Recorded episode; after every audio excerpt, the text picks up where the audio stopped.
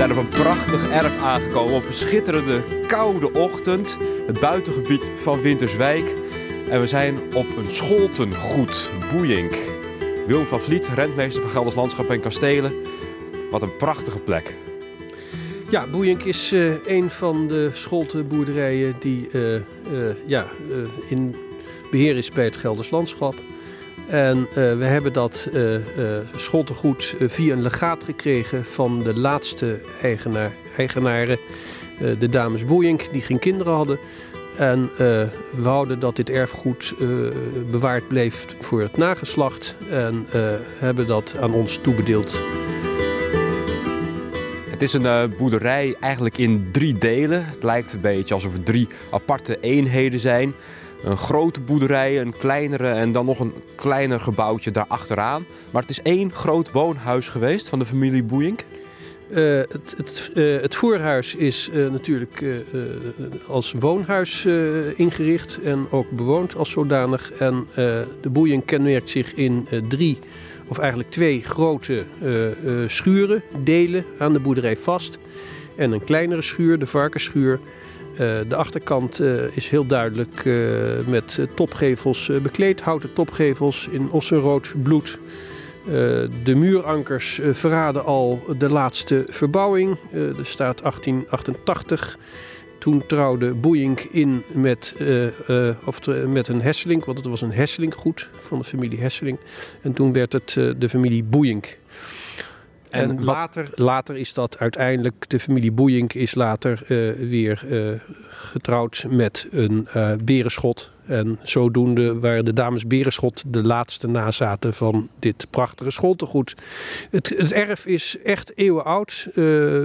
Naast de stenen bebouwing hebben we ook nog een grote schoppen van hout, 18 eeuws enorm groot. Uh, een van de grootste hier in de omgeving. Dat kenmerkt zich ook wel dat de scholteboer uh, natuurlijk iets meer was dan uh, de andere boeren.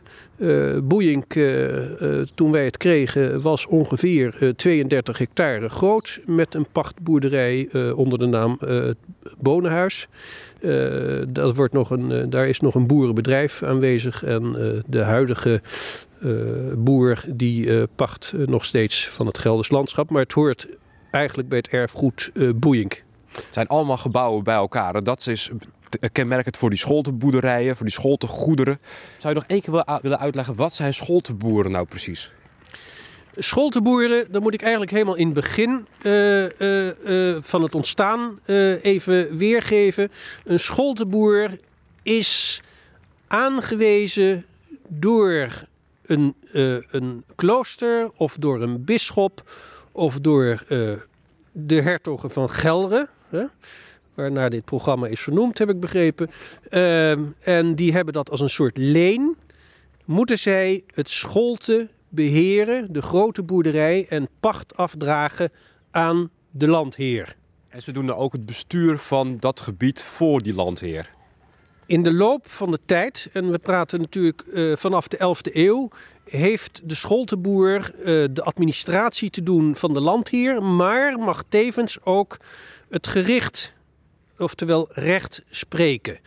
Hij zorgt dat de omgeving rustig blijft voor de landheer, dat ze hun pacht afdragen, dat ze ook diensten afstaan aan de landheer. En er zijn natuurlijk hele grappige diensten in de middeleeuwen geweest en die zijn tot ver uh, in de 17, uh, nee, tot ver in de 16e eeuw nog doorgevoerd. Bijvoorbeeld uh, een, uh, een pachtboer moest de hond van de landheer voeren als die aan het jagen was. Of hij moest graan afstaan van zijn oogst voor het klooster. Of hij moest hout halen, het holdgericht, voor de landheer. Het aardige is dat dit soort gebruiken tot ver in de 16e eeuw nog voortgezet zijn en zelfs ook nog in de 17e eeuw. En dat dan de scholteboer, die uiteindelijk eigen boer wordt, want we krijgen een Franse overheersing in de tussentijd. En de Franse overheersing heeft ervoor gezorgd uh, dat de lijfeigene systeem afgeschaft werd. En dat de scholteboer eigen boer werd. Maar de scholteboer was natuurlijk gewend, want er was een soort rentmeester. Natuurlijk een totaal andere rentmeester dan ik ben. Deze Scholtenboer had nogal wat uh, feodale trekken, zoals we dat in deze huidige tijd uh, kunnen noemen. En heeft gewoon de staat van dienst wat hij altijd had doorgevoerd. En dat betekende in de praktijk? Dat betekende dat de diensten van de pachters, de boeren, dat ze naast pacht ook in natura moesten betalen in de vorm van afstaan van een deel van de oogst. Uh, de zogenaamde helpendagen, waar de meid en de knecht moesten helpen. Uh, maar dat werd wel allemaal verrekend met de pacht. Dus het was aan de ene kant wel een feodaal stelsel, maar aan de andere kant ook weer niet. Want het was voor wat hoor wat. En hier in de achterhoek is norberplicht, want het is ook een vorm van norberplicht. Ja, een streek-eigene gebeuren, moet ik zeggen. Die scholtenboeren die ontwikkelen zich echt als de, de herenboeren, de, de landadel. Maar het was dus niet zo dat de pachtboeren echt de slaven waren van die grote herenboeren, van die scholtenboeren. Ik kan me niet aan de indruk onttrekken dat dat vanuit de middeleeuwen ook ontstaan is. Want uh, stel je voor, uh, de scholtenboer moest ook recht spreken. En laten we wel zijn, ook in de middeleeuwen, als je het niet goed deed, waren er ook nog andere methoden dat de gewone man ook zijn recht ging halen. Dus de scholtenboer had zeker verantwoordelijkheid in deze. Ja, ze waren echt op elkaar aangewezen, de scholtenboeren en de pachtboeren. Nou, dat kenmerkt zich nog steeds in deze streek. Je bent in een buurtschap op elkaar aangewezen. En natuurlijk, er is verschil in geboorte, maar uiteindelijk ben je allemaal afhankelijk van elkaar. Zo zijn die scholtengoederen niet alleen in het landschap, maar nog altijd in de cultuur van de Achterhoek terug te vinden. Een heel mooie scholtenboerderij in het landschap gaan we nu bezoeken met een prachtige korenspeaker.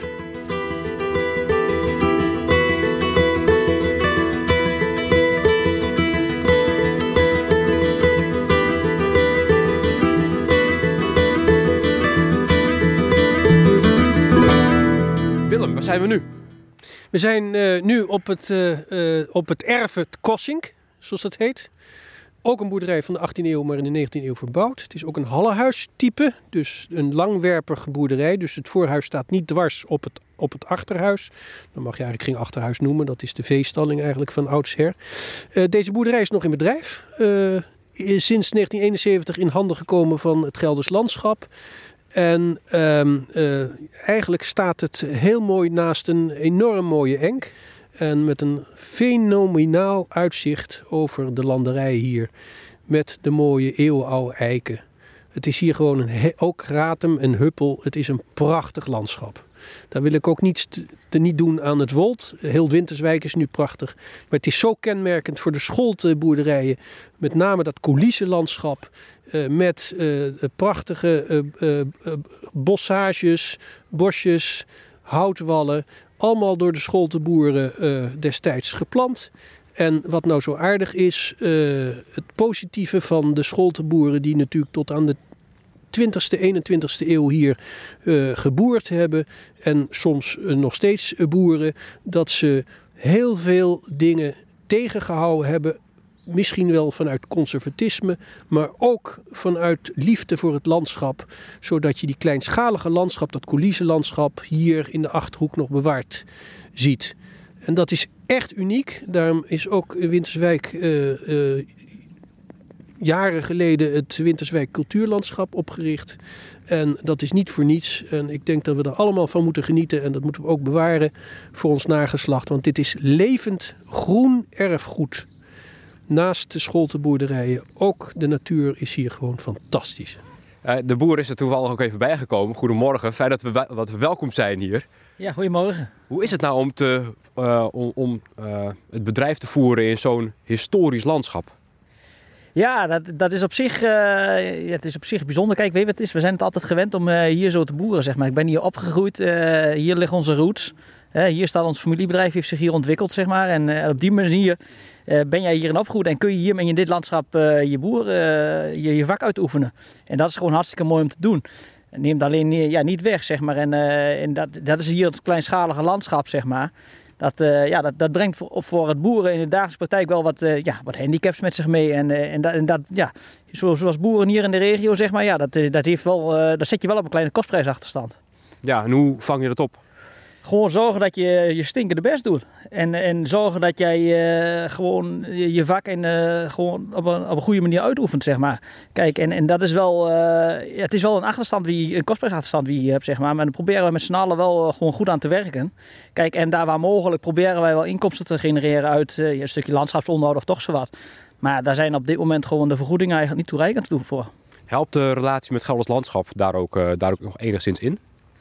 Nou ja, kijk, uh, daar, daar verschillende meningen over, zeg maar. Uh, kijk, anderzijds, wij zijn hier hoevenpachter. Uh, ja, zoals uh, net ook al aangegeven, ja, je hebt elkaar nodig. Hè? En het een kan niet zonder het andere, denk ik. En op het moment dat, ja, zoals we staan hier bij het speaker, je staat hier bij het huis. ja, ik zie, ik zie ook wel wat dat gewoon kost om dat allemaal te onderhouden, want dat is niet mals. Kijk, en ja goed, anderzijds, wij betalen gewoon de pacht, wij pachten dit, zeg maar. het een heeft het ander nodig.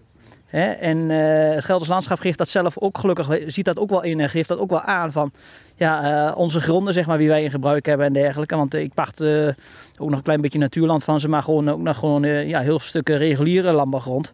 En dat zijn gewoon pachtopbrengsten die zij ook gewoon nodig hebben. En net zoals ik de grond gewoon nodig heb om mijn bedrijf gewoon te kunnen rondzetten. Je had het over de korenspieker. Het is een prachtig gebouw dat je naast, naast je boerderij hebt staan. Ja, klopt. Het is, uh, het is een hartstikke mooi gebouw. Uh, wij kunnen er ook altijd hele mooie plaatjes mee maken. Als we dan een keer een paar mooie koeien, een paar mooie sfeerfotootjes willen maken. Want dat is dan toch de passie die wij hebben, zeg maar. En ja, het is gewoon hartstikke mooi. Kijk, en je ziet hem ook hier in Winterswijk is het plaatje veelvuldig gebruikt. tot voor een jaar of vijf, zes terug had iedereen hier, als je aan het ziekenhuis kwam, had je zo'n SKB-pasje, zo'n ziekenhuispasje. En dan stond daarachter op het pasje, zeg maar, daar stond dan het koorspieker met, een, met, een, ja, zoals met een mooi voorbeeld, was een mooi sfeerplaatje, zeg maar. Ja, daar stonden dan vier koeien voor. Dus ik zei ook altijd iedereen van, ik zeg, ik vind altijd, ben altijd wel trots bij je. Ja, als je aan het ziekenhuis komt, is het altijd een beetje vreemd. Maar goed, zeg, ja, als je dan goed in je portemonnee kijkt, je hebt altijd wel mijn koeien bij in je broekzak. Hè? En dat was uh, wel bijzonder altijd. Dus, en jouw erf dus ook. Ja, en ook het erf, zeg maar. En uh, dat is het ook. Kijk, weet je wat het is? Wij zijn hier opgegroeid en ja, ik ben het niet anders gewend. Mhm. Maar die korenspieker, het is een, het is een groot gebouw nog. Je kan er zo, uh, nou ja, je kan, je, je kan er zo nog een huis van maken dat je kan verhuren. Vakantiehuis. ja, dat klopt. Het, zou in principe wel kunnen. Maar goed, uh, ja, dat, dat vergt nog wel enig inspanning. Kijk, het is, uh... het is niet meer van, ja, nee, het, is, het, is nu, het is van Gelders Landschap nu. Ja, klopt. Het is, wel, het is van het landschap natuurlijk. Maar uh, goed, ja, er zit een stroomkabeltje in waar een pp'tje in hangt. Maar stromend water en, ja, en dergelijke, oh, dat, is er niet. dat is er allemaal niet. En het is, ja, het is, het is echt een monumentaal gebouw. Ja. Willem, vertel eens iets over de korenspeaker. Want het is echt een heel monumentaal gebouw. Dus echt een visitekaartje van Winterswijk horen we al. Het is een uh, vakwerkgebouw met uh, houten penverbindingen. Typisch van die 18e eeuwse kleine ruitjes erin. het is een voorraadschuur voor graan. Hè? korenspieker. Het is een opslagruimte voor graan geweest. Het is iets eerder gebouwd dan de huidige boerderij.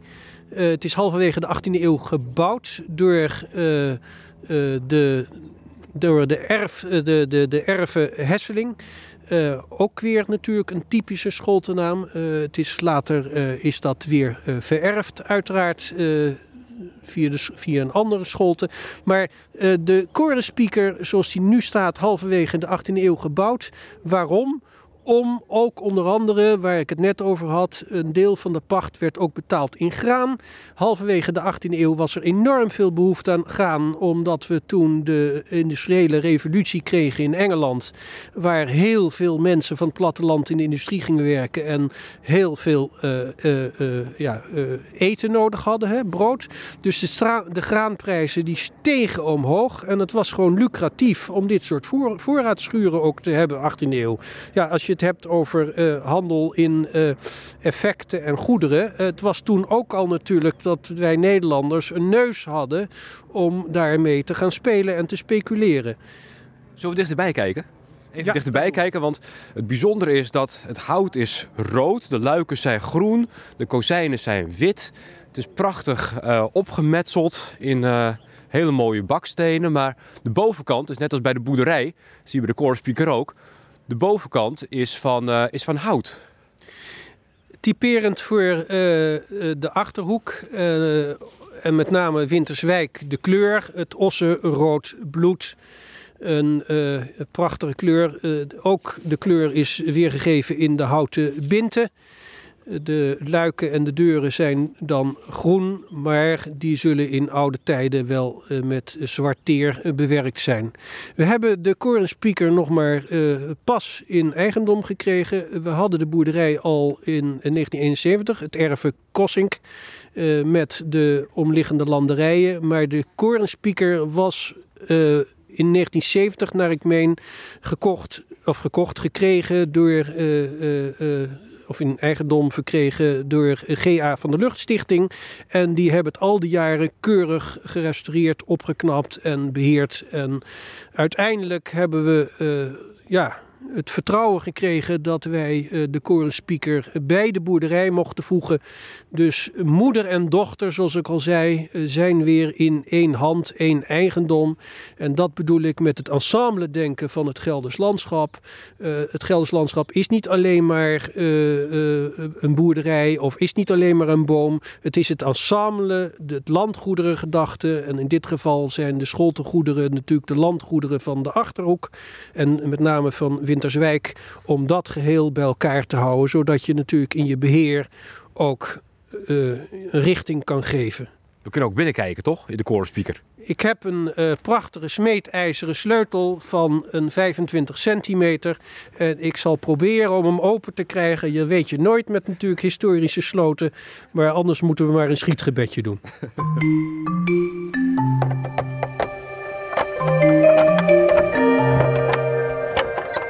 Ja,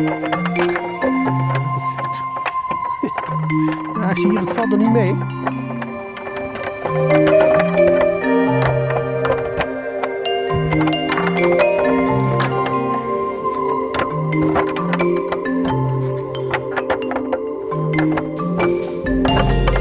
Een redmeester die een deur niet meer kan openen, dat is ook, ook interessant.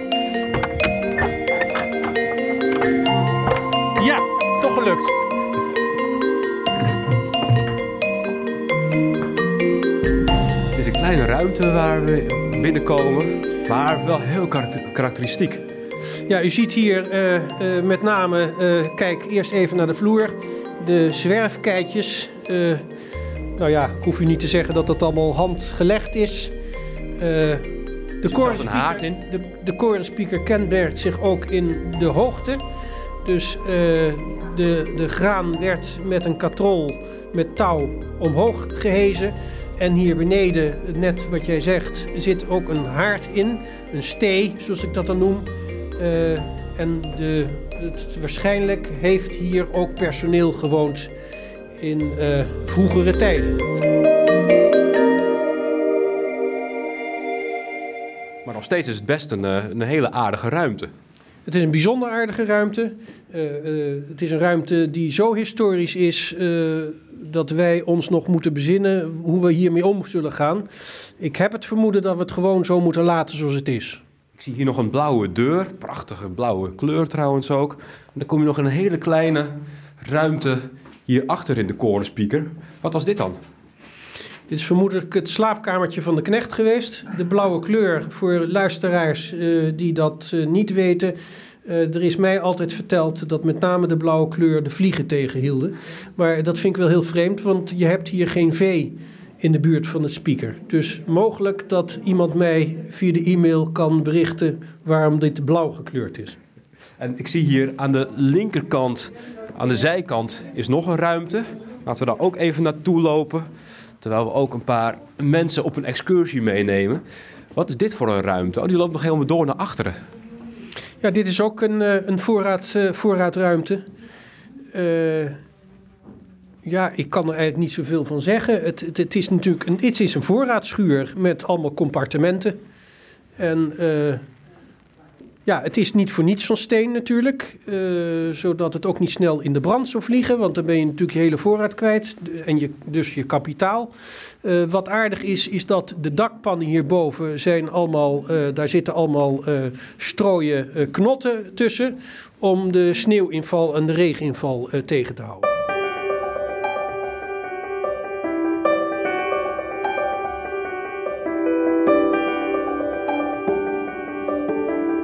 Dit is ook wel weer heel erg fraai. 10 minuutjes rijden en je hebt weer een totaal ander schooltegoed. Ja, we zijn hier op uh, schooltegoed uh, uh, Hesseling.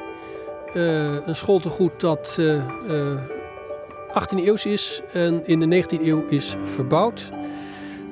het huis is dwars op het stallengedeelte. Uh, voor de mensen die goed gekeken hebben om hier naartoe te rijden, het vooraangezicht zie je echt een mooie façade. Ik noem dat een façade omdat de bovenste verdiepingen van het huis zijn loos. Die werden gebruikt voor graanopslag. Maar het lijkt echt een herenhuis. Ja, het is ook ja, voor mensen die uh, uh, zich een beetje verdiept hebben in de architectuur. Het, het, neigt naar het Hollandse klassicisme. Met die spekstenen lagen, die witte spekstenen lagen ertussen. Om het geheel voornamer te doen. Ja, heeft allemaal te maken natuurlijk met de opleving van uh, de scholtenboeren. CQ-opleving van de landbouw. zo in de 19e eeuw. Er werd veel geld verdiend. En de boeren lieten zien wie ze waren. straalde daarbij ook macht uit. Uh, je ziet naast deze uh, boerderij ook het knechtenhuis, wat vrij groot is. Uh, ja, dat hebben we gezien toen we hier naartoe reden, want we staan nu aan de achterkant. Maar de achterkant zie je hier ook weer de naar binnen toeslaande deeldeuren, typerend voor dit soort boerderijen. Um, ja, ook weer de houten gevels, in dit geval in uh, groen uitgevoerd. Uh, het is, uh, net hoorde ik ook van de geïnteresseerden, ja, dit is een groter erf. Dit is ook een moderner erf. Maar als je dit vergelijkt met uh, Boeink, is zeker niet kleiner, maar is een hallenhuistype. En dit is dus de boerderijen die wij in de volksmond heel snel als scholtenboerderij ook betitelen. Omdat het huis dwars gebouwd is op, op het stallengedeelte. En uh, bij Boeing had je een hele grote schoppen.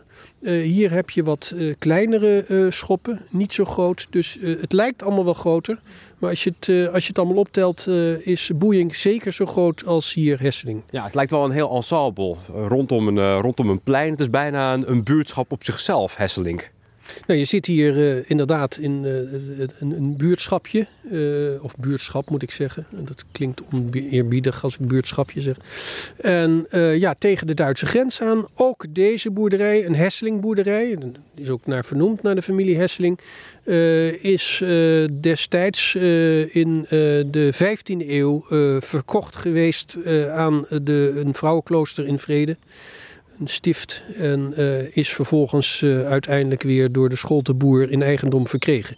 Wat ik uh, nog wil zeggen is, de Scholtenboeren zijn natuurlijk in de, na de Franse overheersing eigen boer geworden op, op de Scholtenboerderij. Dus rond 1800? Dat is zo'n beetje end uh, 17, wanneer zijn de Fransen alweer gekomen? 1785. Jij bent ja, 17, ja, ja, 17, nou, ik laat je even struggelen. Oh. Uh, maar uh, 1795. Oh, 95. Nou ja, god, voor een rentmeester. Hè, wij denken, Frans Bataafse tijd. Ja, wij denken in generaties, dus die tien jaar die moet je me maar vergeven.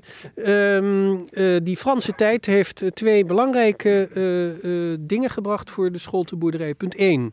De horigheid van de middeleeuwen werd afgeschaft.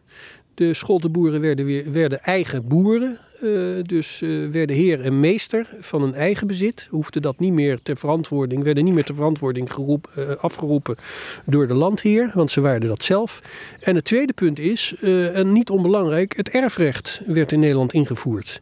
Waardoor de Scholten zijn kinderen allemaal het kindsdeel moest geven. En niet de oudste het in, één, in, in één hand erfde. En daardoor zijn de Scholtenboeren ook weer wat kleiner geworden.